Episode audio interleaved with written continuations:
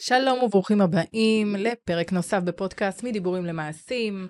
אני שרון דידי, מומחית להשקעות נדל"ן בישראל, הולכת לדבר איתכם על בנק ישראל, ריביות, איזה מסלולים יש. פרק שכביכול נשמע מאוד מאוד מאוד כבד, אבל אני הולכת לעשות לכם את זה הכי פשוט שאפשר, כדי שתוכלו לדעת, כשאתם הולכים לבנק, איך לגשת ועל מה לדבר ואיך לבקש.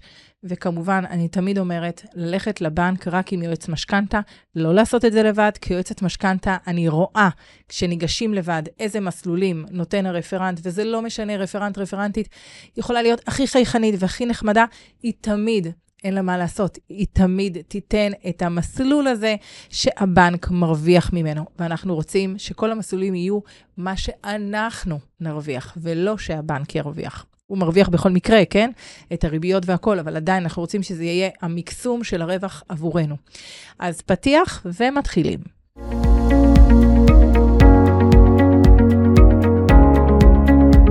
בפודקאסט הזה נדבר על כל מה שמעניין אתכם בהשקעות נדל"ן בישראל. איך להתחיל, מה עושים, איך לזהות הזדמנויות. נדבר גם על הצד המנטלי, איך להתמודד עם כל הפחדים והדברים שמציפים אותנו, והרבה פעמים תוקעים אותנו לבצע את המטרות הגדולות שלנו, והכי חשוב, איך נממן את כל החגיגה הזאת.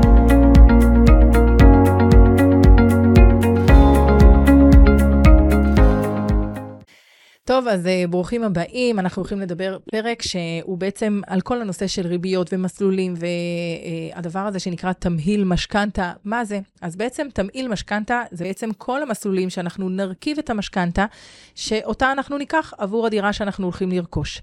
וכשאנחנו מגיעים לקחת משכנתה, אז קודם כל, אנחנו יושבים עם היועץ משכנתה על איך ולמה וכמה, הכל. מה, אנחנו ממש הולכים לפרוט את כל הדברים. איך אנחנו לוקחים את זה, מה יכולות המימון שלנו, זה מצד אחד. מהצד השני, אה, כמה אנחנו רוצים לקחת מהבנק. בסדר? מה, מה המימון שאותו אנחנו רוצים, מה כושר ההחזר שלנו, האם אנחנו יכולים לעשות את זה, ולמה מה המטרה שלשמה אנחנו לוקחים את המשכנתה. אם המטרה שלנו היא אה, לקחת את ה... לקנות את הדירה, אבל למכור אותה תוך שלוש, חמש שנים, שבע שנים, כל אחד יש לו את הלו"ז שלו, אז להגיד את זה ליועץ משכנתה, וזה בעצם בשביל נקודות היציאה. כי כשאנחנו יודעים שאנחנו הולכים למכור את הדירה הזאת בעוד חמש שנים, ברור לכולם שאנחנו נבנה את המשכנתה כך שבעוד חמש שנים תהיה לנו נקודת יציאה. אם אנחנו חושבים שאנחנו נמכור בעוד עשר שנים, נעשה כך שהנקודת יציאה שלנו תהיה בעוד עשר שנים. מהצד השני, אם אני יודעת שאת הדירה הזאת אני קונה על מנת שתהיה דירת הפנסיה שלי, והיא בעצם הכנסה נוספת לפנסיה, ואני לא חושבת שאני הולכת למכור אותה, וברעיון שלי אני הולכת להיות איתה כל החיים, אז ברור לי שאני אקח משהו שהוא יכול להיות לטווח יותר ארוך, אבל בגלל שאני לא יודעת לאמוד מה יקרה בשנים ה... אה, הקרובות, בסדר? אף אחד לא יודע אם הוא יצטרך, לא יצטרך למכור את הדירה. אני עדיין שמה נקודות יציאה, אני פשוט ארווח אותם, אני אשים אותם בנקודות אה, אה, יותר אה, מאוחרות. וזה כדי שיהיה לי אה, יותר מרווח, ואז נקבל גם אה, אה, לפעמים, כן, לא תמיד, ריביות טובות יותר. אוקיי, אז כשאני ניגשת לבנק, אני צריכה קודם כל לשבת ולראות מהם המטרות שלי, שלשם כך אני קונה את הדירה, האם אני הולכת למכור את הדירה, מה יכולת ההחזר שלי, מה הדברים הצפויים בעתיד שאני הולכת, אה, או כסף שאני צריכה לשים לי בצד, כי הרבה פעמים אנשים מסתכלים עכשיו על השקל, אה, שהם צריכים ברמה של, אה, נגיד עכשיו אני הולכת לקנות דירה במיליון 600 ואני לוקחת נגיד 50 אחוז מימון, אז אני צריכה 800 אלף שקל. אבל, ואז 800 אלף שקל אני מביאה. אבל אה, יכול להיות שאני צריכה קצת יותר מהבנק. ואם אני יכולה אה, לקחת יותר מימון, כן? אז למה לי לא לקחת יותר מימון? דרך אגב, דירה ראשונה יכולים לקחת עד 75% מימון, במידה וזו דירה אה, שנייה ומעלה והיא דירה להשקעה, לוקחים עד 50% מימון, כאשר חברות הביטוח מאפשרות עד 60% מימון, וחברות פרטיות כמו גמא, טריה, וויצ'ק, מאפשרות עד 85% מימון. זאת אומרת שיכול מאוד להיות שיהיה לי מצב, גם אם זו דירת השקעה, שאני לא אקח דרך הבנק, אני אקח דרך מקור אחר. בסדר? זאת, יש כאן אה, חשיבה שאני צריכה להפעיל לפני, וזה משום שאני צריכה לחשוב טוב טוב כמה כסף אני צריכה. לא ללכת עד השקל האחרון, כי יש דברים נוספים שהרבה פעמים לא חושבים עליהם, שאנחנו כן צריכים להשאיר כסף בצד. ולפעמים אנחנו נגלה, דרך אגב, זה בתכנון תקציב, יש לנו פרק שלם על תכנון תקציב, כן? אנחנו נגלה שאם זה שאנחנו הולכים לקנות עכשיו דירה שהיא דירה נוספת, דירה להשקעה, ואנחנו צריכים להשקיע גם את, ה, את המס רכישה, שזה 8 אחוזים. אז אנחנו רואים שיכול להיות שאין לנו 800 אלף שקל, אנחנו צריכים להוריד איזה 150 אלף שקל רק למס רכישה. אז כן, אנחנו עושים עסקה של שש, שההון העצמי שלנו 650, זאת אומרת שאנחנו יכולים ללכת על, על דירה אה, יותר זולה. או ללכת למימון, לא דרך הבנק, אלא דרך uh, חברות uh, הביטוח או חברות פרטיות, כמו שאמרנו מקודם. אוקיי, אז בואו נלך, אנחנו עכשיו הולכים דרך הבנק, ואנחנו רוצים לראות את המסלולים. החברות הפרטיות, דרך אגב, עובדות בעיקר על בסיס הפריים, זאת אומרת, ההלוואות שהן נותנות, הלוואות למשכנתה.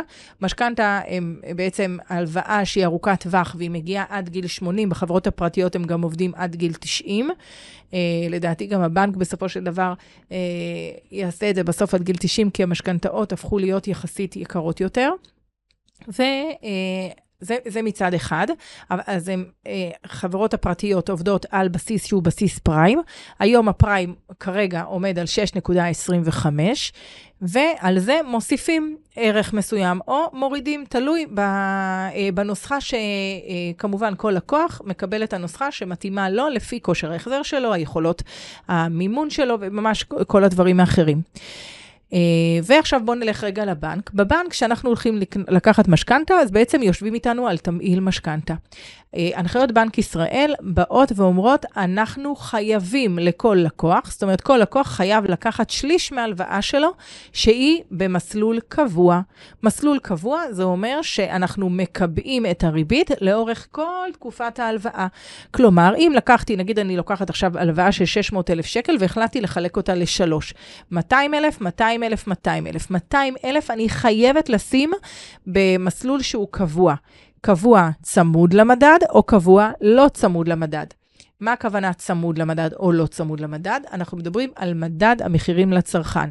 מדי חודש מתפרסם ב-15 לחודש מדד מחירי הצרכן על ידי הלמ"ס, הלשכה המרכזית לסטטיסטיקה. היא מפרסמת האם המדד עלה או האם המדד ירד. לאחרונה אנחנו רואים שמדי חודש המדד ממשיך לעלות. זה בעצם יוקר המחיה. ואנחנו רואים שהאינפלציה, ככה קוראים לזה, השנתית, עומדת על בסביבות ה-5.2 אחוז. זאת אומרת שהמדד המחירים לצרכן עלה ב-5.2 אחוז במהלך כל השנה. מה זה אומר?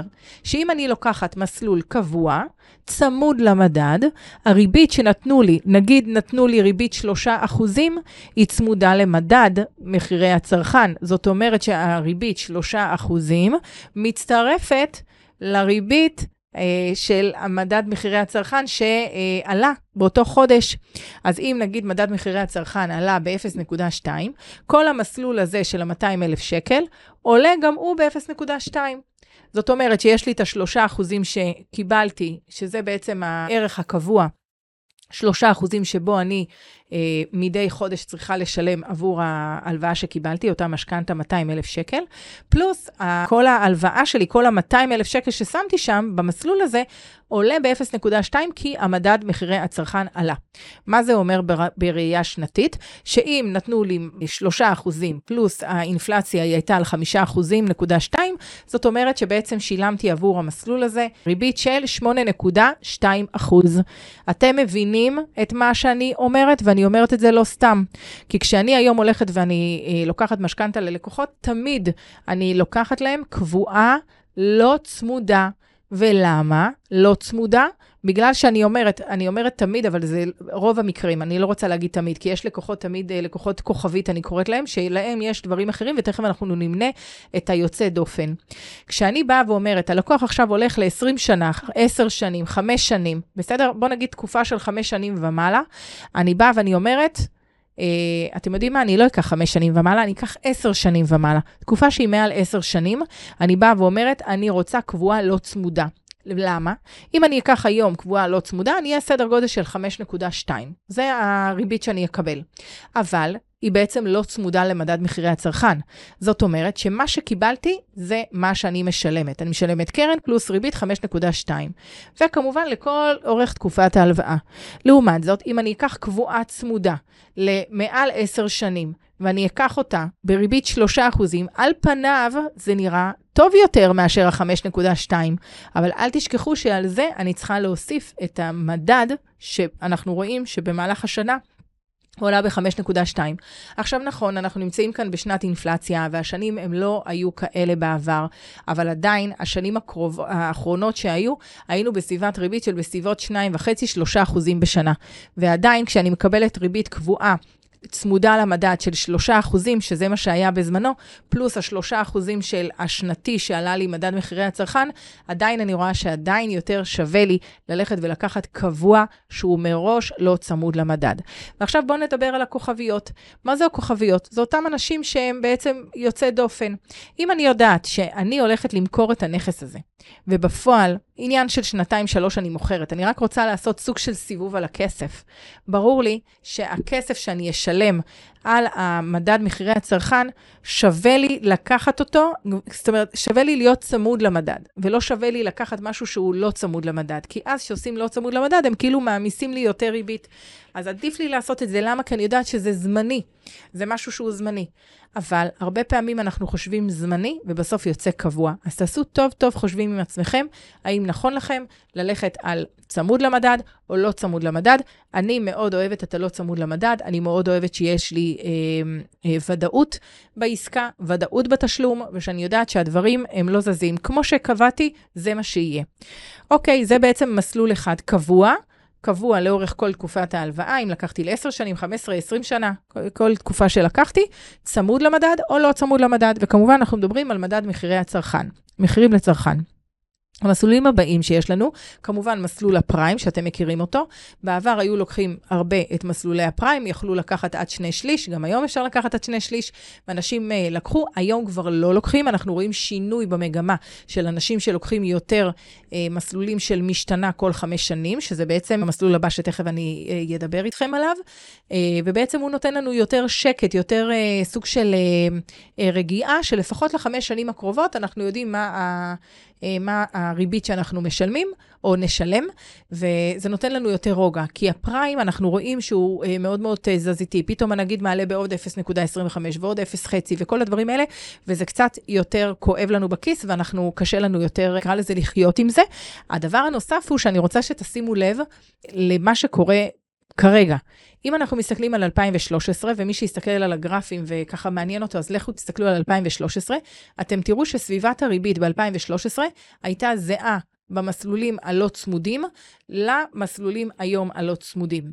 מה שקרה, ובעצם ההבדל בין 2013 ל-2023, אנחנו היום, בעשר השנים האחרונות, זה שהפריים ירד. וכשהפריים ירד וירד וירד, אז בעצם מה שקרה זה שהאנשים, המשקיעים ונוטלי המשכנתאות שקנו גם למגורים, הם לקחו את המסלולים על בסיס פריים, כי הוא היה באמת הזול ביותר. זאת אומרת, אם נתנו לכם קבועה לא צמודה ברמה של חמישה אחוזים, גם לפני עשר שנים, אז uh, הפריים היה פתאום 1.6, אז ברור שעדיף לקחת את הפריים. אז אנשים לקחו פריים, ועכשיו שהפריים עולה, אז כולם צועקים גוואלד. למה? כי פתאום עלתה להם ההלוואה. אבל אם הם ימחזרו את המשכנתה היום, למי שיש מסלול פריים, יכול למחזר את המשכנתה ולהפוך אותו למשתנה לא צמודה, או משתנה צמודה, תכף נדבר על זה. אה, צמודים למדד או לא צמוד למדד, מצד אחד, הוא יכול לקבע את המחירים ולהיות בסביבה של חמישה אחוזים, כמו שהיה פעם, בסדר? זאת אומרת, עדיין אנחנו יכולים להחזיר את המשכנתאות הקיימות שלנו, למי שיש משכנתה, למצב שהוא נורמלי. זאת אומרת, לא להיות בתוך התנודתיות הזאת של הפריים.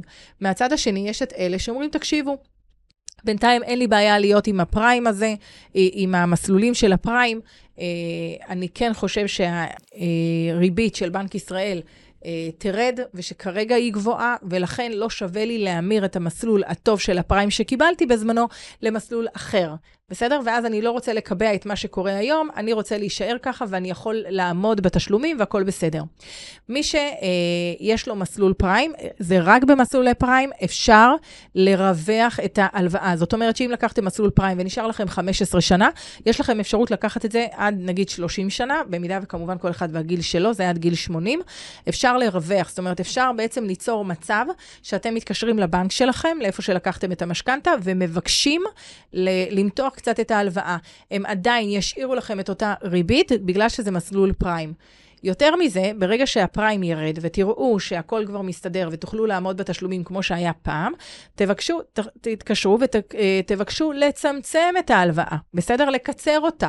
גם תקבלו את אותה סביבת ריבית מבחינתכם, אה, ופשוט תקצרו את השנים. בסדר למה שהיה. זאת אומרת, אפשר לשחק עם זה במסלול הפריים.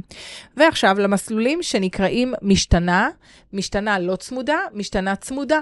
אז כמו שאמרנו, המשתנה צמודה למדד, הכוונה למדד מחירים לצרכן, או לא צמודה למדד אה, מחירי הצרכן.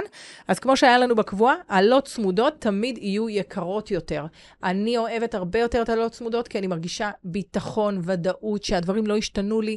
זה מה שאני מרגישה שאני לוקחת לא צמוד למדד. אבל גם פה, כמו שאמרתי לכם קודם, יש כאן קטע שהוא באמת מאוד אינדיבידואלי. יש אנשים שהולכים למכור את הדירה בעוד חמש שנים, ולכן שים את המסלול שהוא צמוד למדד, זה לא כזה אישו, כי בפועל הם ישלמו הרבה פחות שהם צמודים למדד, לעומת להיות לא צמוד למדד. לכן, לכל עסקה, לכל משכנתה שלוקחים, יש אה, אבא ואימא אחר, ולכן משכנתה אחת לא יכולה להיות דומה למשכנתה שתיים. יותר מזה אני רוצה להגיד לכם, כי הרבה פעמים אנשים שהגיעו עם אותם משכנתאות, זאת אומרת, אותם מסלולים, אותו מספרים, אותם מספרים, אותו הכל, אה, הגיעו. לקחת אה, אה, משכנתה, כל אחד קיבל אה, ריביות אחרות, וזה כתוצאה מיכולת ההחזר וכושר ההחזר של האנשים. אחד מרוויח ומשתכר גבוה יותר, השני מרוויח פחות, ואז בעצם יוצא שהבנק לוקח סיכון אה, איפה שהם מרוויחים פחות, ולכן הוא ייתן לאלה שמרוויחים פחות וכושר ההחזר שלהם הוא קטן יותר, הוא ייתן להם ריביות גבוהות יותר. לעומת אותו אדם או זוג שמרוויח יותר, הוא ייתן להם ריביות אה, טובות יותר. ואז תמיד אה, במקרים כאלה באים, רגע, אבל החבר שלי קיבל. אז אני אומרת, רגע, רגע, בוא נסתכל. קודם כל, בוא נראה אם זה צמוד למדד או לא צמוד למדד. כי הרבה פעמים אנשים לא מסתכלים על הצמוד או לא צמוד למדד, אלא מסתכלים רק על הקבוע משתנה. זאת אומרת, זה מה שהם רואים. מהצד השני, צריכים לראות מה כושר ההחזר של כל אחד מהבני זוג, ומה אה, בעצם הסיכון שהבנק לוקח. בסדר? אז זה גם אה, משהו אחד. אין מה לעשות, לא, לא, כל, אה, לא כל האצבעות שוות, ולכן מה שהחברים שלכם מקבלים, מקבלים, זה לא בהכרח מה שאתם תקבלו, כן? גם עם כל הרצון והרצון של הבנק לתת את הריביות הטובות ביותר. מה שכן, מה שאנחנו עושים היום, כשאנחנו לוקחים משכנתה, אנחנו לא לוקחים הצעה מבנק אחד, אנחנו תמיד לוקחים משני בנקים לפחות ומתחילים לעשות התמחרות. ברגע שעושים את ההתמחרות, אנחנו מגיעים לריביות הטובות ביותר, וברגע שגם יש התמחרות, אז יש למה להשוות. ואז אם נגיד עכשיו בנק פועלים נתן לי הצעה טובה יותר מאשר בנק לאומי, אני פונה לבנק לאומי, ואני אומרת לו, אם תסתכל, אותו זוג, אותם מספרים, תראה איזה יופי, בוא תשווה לי לפחות, ואפילו תיתן לי טוב יותר ממה שבנק פועלים נתן. ובאמת, זה מה שקורה. הם נותנים ריביות טובות יותר. למה? כי הם באמת נלחמים על כל הכוח, במיוחד בתקופה הזאת, ובגלל זה אני אומרת, אם אתם שמעתם את הפרקים הקודמים שלי, אני כל הזמן אומרת, יש לנו כאן עכשיו תקופה שהיא תקופת משבר בעולם הנדל"ן, ויש לנו כאן רצון מאוד מאוד מאוד גדול של, קודם כל, של הבנק לתת כסף, ויש להם כרגע אה, פחות ופחות אנשים שבאים לקחת כסף, והם רוצים למכור כסף, זה, זה התפקיד שלהם. ומהצד השני, יש לנו את היזמים שנותנים לנו את כל ההטבות ואת כל הדברים. העיקר, בואו תקנו נדל"ן, בואו תקנו נכסים. היום אנחנו נקבל הרבה יותר דברים מאשר היינו מקבלים בעבר, מבחינת הטבות. מבחינת מחירים, יש מקומות, אנחנו רואים את זה בעיקר באזור המרכז, שאנחנו רואים ירידות של מחירים, אבל זה כתוצאה מזה שהם שמו כבר מחירים יותר גבוהים, אז פתאום הם מגיעים למחירים הריאליים שלהם, וזה יפה לראות את זה, כי זאת ההזדמנות שלנו. כי אוטוטו, שתהיה עוד פעם קפיצה של המחירים, ויראו עוד פעם שה... הנדל"ן חוזר, עוד פעם היזמים לא יסתכלו עלינו המשקיעים, וזה לא, לא ישנה, זה פשוט ייתנו את המחיר, זה המחיר, זה המחיר. רוצה תיקחי, לא רוצה אל תיקחי, כמו שהיה לפני. מי שרוצה, תבוא תיקח, אם לא, מישהו אחר ייקח את הדירה. ולא נתנו את כל ההטבות. אז עכשיו בואו נחזור רגע למסלולים של המשתנות. המשתנות הן בעצם צמודות או לא צמודות למדד, ויש לנו אה, נקודות יציאה כל חמש שנים, אני ראיתי גם כל שנתיים וחצי, כל עשר שנים, כל שבע שנים, אה, וכמובן אני בוחרת את נקודות היציאה שהכי מתאימות לפי היכולות, ש, אה, סליחה, לפי הלו"ז שלי, לפי מה שאני תכננתי, אה, ורוב האנשים היום לוקחים בין חמש לעשר שנים, זאת אומרת לוקחים או חמש שנים או עשר שנים, אבל כמובן, יש גם שנתיים וחצי, לא כל הבנקים עם שנתיים וחצי, אבל יש גם שנתיים וחצי, ויש כאלה שמשתמשים בזה. ויש לנו מסלול שנקרא מקאם, שזה בעצם אה, מסלול קצר מועד, אה, שהוא בעצם מדמה את הפריים, אבל הוא מקובע לשנה שלמה. המסלול הזה של מסלול המק"מ, לוקחים, אה, ואין אותו לכל, ה, אותו לכל הבנקים, אבל לוקחים אותו בעיקר אנשים שיודעים שתוך שנה הם אמורים לקבל כסף. זאת אומרת, אם אני יודעת שתוך שנה אני אמורה לקבל, סתם לדוגמה, 200 אלף שקל, במקום ללכת ולשים את זה בריבית הפריים, שהיא בעצם און-אוף, עלתה, ירדה, אני לא יודעת מה קורה איתה, ואני ככה מפחדת. אם פעם הייתי אומרת לכם, לכו על הפריים, זה הכי, זה הכי טוב, כי אתם יכולים מתי שאתם רוצים לפרוע את ההלוואה, בלי קנסות, בלי שום דבר, יכולים תמיד לשנות. אז כאן הייתי אומרת, לכו למקם, כי מקם זה אחת לשנה, יש לנו את הנוסחה, ואחת לשנה זה משתנה. אז הרבה אנשים שיודעים שהם אה, הולכים לקבל כסף תוך איקס חודשים, אז סביר להניח שהוא יבחר את מקם, כי מקם זה אה, מסלול שהוא נותן לי שנה שלמה את הריבית שאני אה, קבעתי אה, קבעתי אותה כמובן מראש, וככה זה לא, לא תנודתי כמו הפריים, שהפריים יכול להשתנות בכל רגע. הדבר הנוסף שאנחנו רוצים להסתכל, כי דיברנו הרי שכל משכנתה היא אינדיבידואלית, זאת אומרת, המשכנתה שלי תהיה שונה ממשכנתה של מישהו אחר, כי כל אחד מגיע עם מטרות אחרות ומגיע עם יכולות אחרות, אה, והרבה פעמים כשאנחנו באים ומסתכלים על המשכנתה, אנחנו רוצים לראות בסופו של דבר מה אני יכול להחזיר.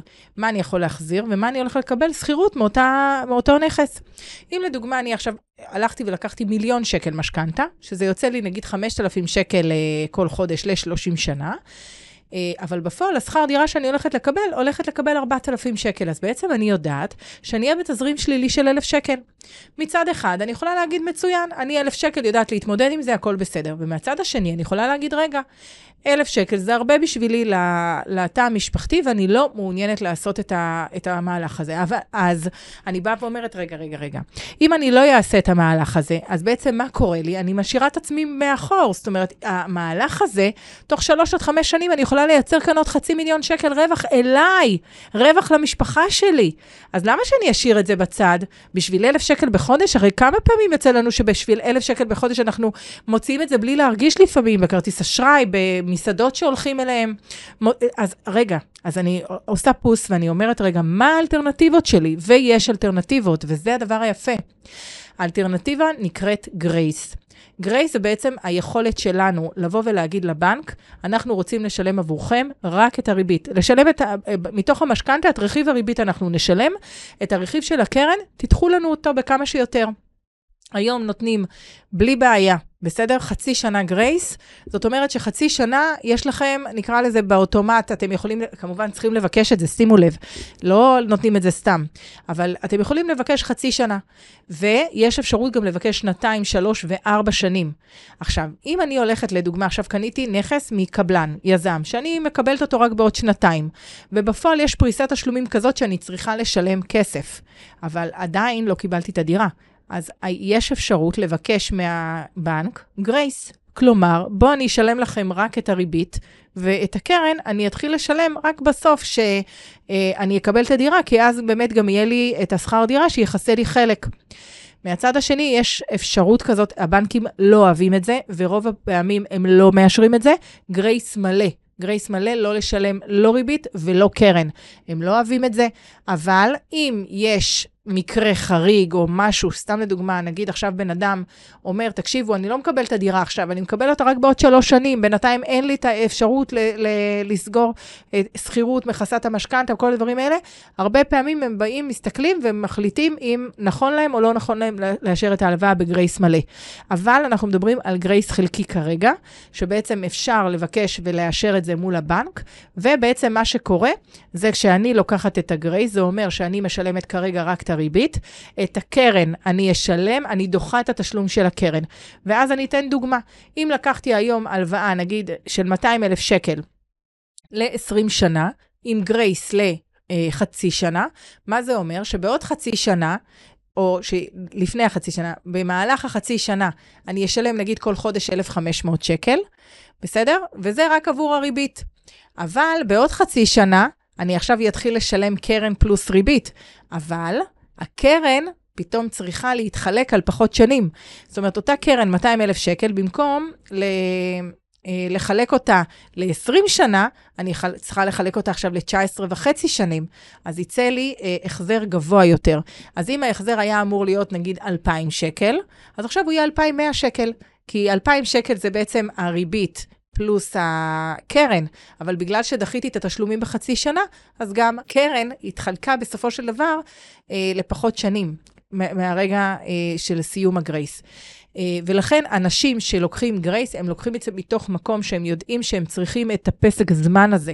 הם לא יכולים כרגע לשלם, חשוב להם לבוא ולעשות את המהלך הזה. ולגבי הנושא של גרייס לשנתיים-שלוש, לוקחים את זה בדרך כלל אנשים שיודעים שהם הולכים למכור את הדירה בעוד שנתיים-שלוש.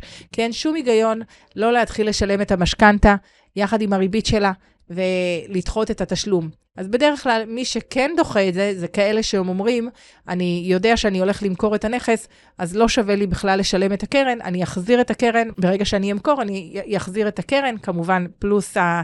ואני אשאר עם הרווח אה, על הדירה. Uh, זהו, אז אני מקווה מאוד שעזרתי לכם ושהפודקאסט הזה נתן לכם ותרם לכם המון באיך להסתכל על משכנתה, איך להסתכל בצורה הפשוטה ביותר על המסלולים. ממליצה לכם לא ללכת לבנק, רק עם יועץ משכנתה. אני מזמינה אתכם, אני כיועצת משכנתה היום עושה uh, בעצם ליווי משכנתה מלא, כאשר אני עושה התמחרות בין הבנקים עבור הלקוחות. אני מביאה את המסלולים הטובים ביותר, את התמהיל הנכון ביותר uh, עבור הלקוח, והכי חשוב, ללקוח נשאר רק ללכת ולחתום. אני עושה בשבילו את הכל, הוא הולך רק וחותם על המשכנתה. החיים הכי קלים שבעולם, ברגע שהולכים יחד עם יועץ משכנתה. אז תודה רבה לכם שהאזנתם לפודקאסט שלי. פרק נוסף הסתיים עכשיו, אני מחכה לכם בפרק הבא, מדי יום ראשון. הפודקאסט שלי, מדיבורים למעשים, אנחנו עולים עם פרק חדש, כל פעם לעשות קצת יותר סדר וקצת יותר לתת אמביציה ורצון ואנרגיות ללכת ולעשות את הדברים, כי כל הזמן אני אומרת, אל תמתינו לקנות נדל"ן, תקנו נדל"ן ותמתינו. יש לנו כאן הזדמנויות מאוד מאוד גדולות שנפתחות לנו דווקא עכשיו, דווקא ברגעי המשבר שאנחנו רואים בשוק הנדל"ן. אלה הנקודות שאנחנו צריכים לבוא ולהגיד, אלה הנקודות הנכונות עבורנו. אז אה, אפשר אה, להצטרף למועדון שלי למי שעדיין לא הצטרף, הוא חינמי. אפשר להצטרף אליו דרך האתר שלי, דידי.co.il. אפשר להצטרף אה, לאינסטגרם שלי, בשרון.דידי.נדל"ן, וכמובן לשמוע את הפודקאסט שלי בכל אפליקציות ההסכתים, אם זה גוגל פודקאסט, אפל פודקאסט, אה, ספוטיפיי, וליהנות, ליהנות מכל הטוב שאני אה, מעניקה לכם, אה, ורוצה באמת בטובתכם, שתקבלו כמה שיותר ערך וכמה שיותר כלים כדי לעשות את זה בצורה הטובה והמשמעותית ביותר עבורכם. יום מקסים לכם.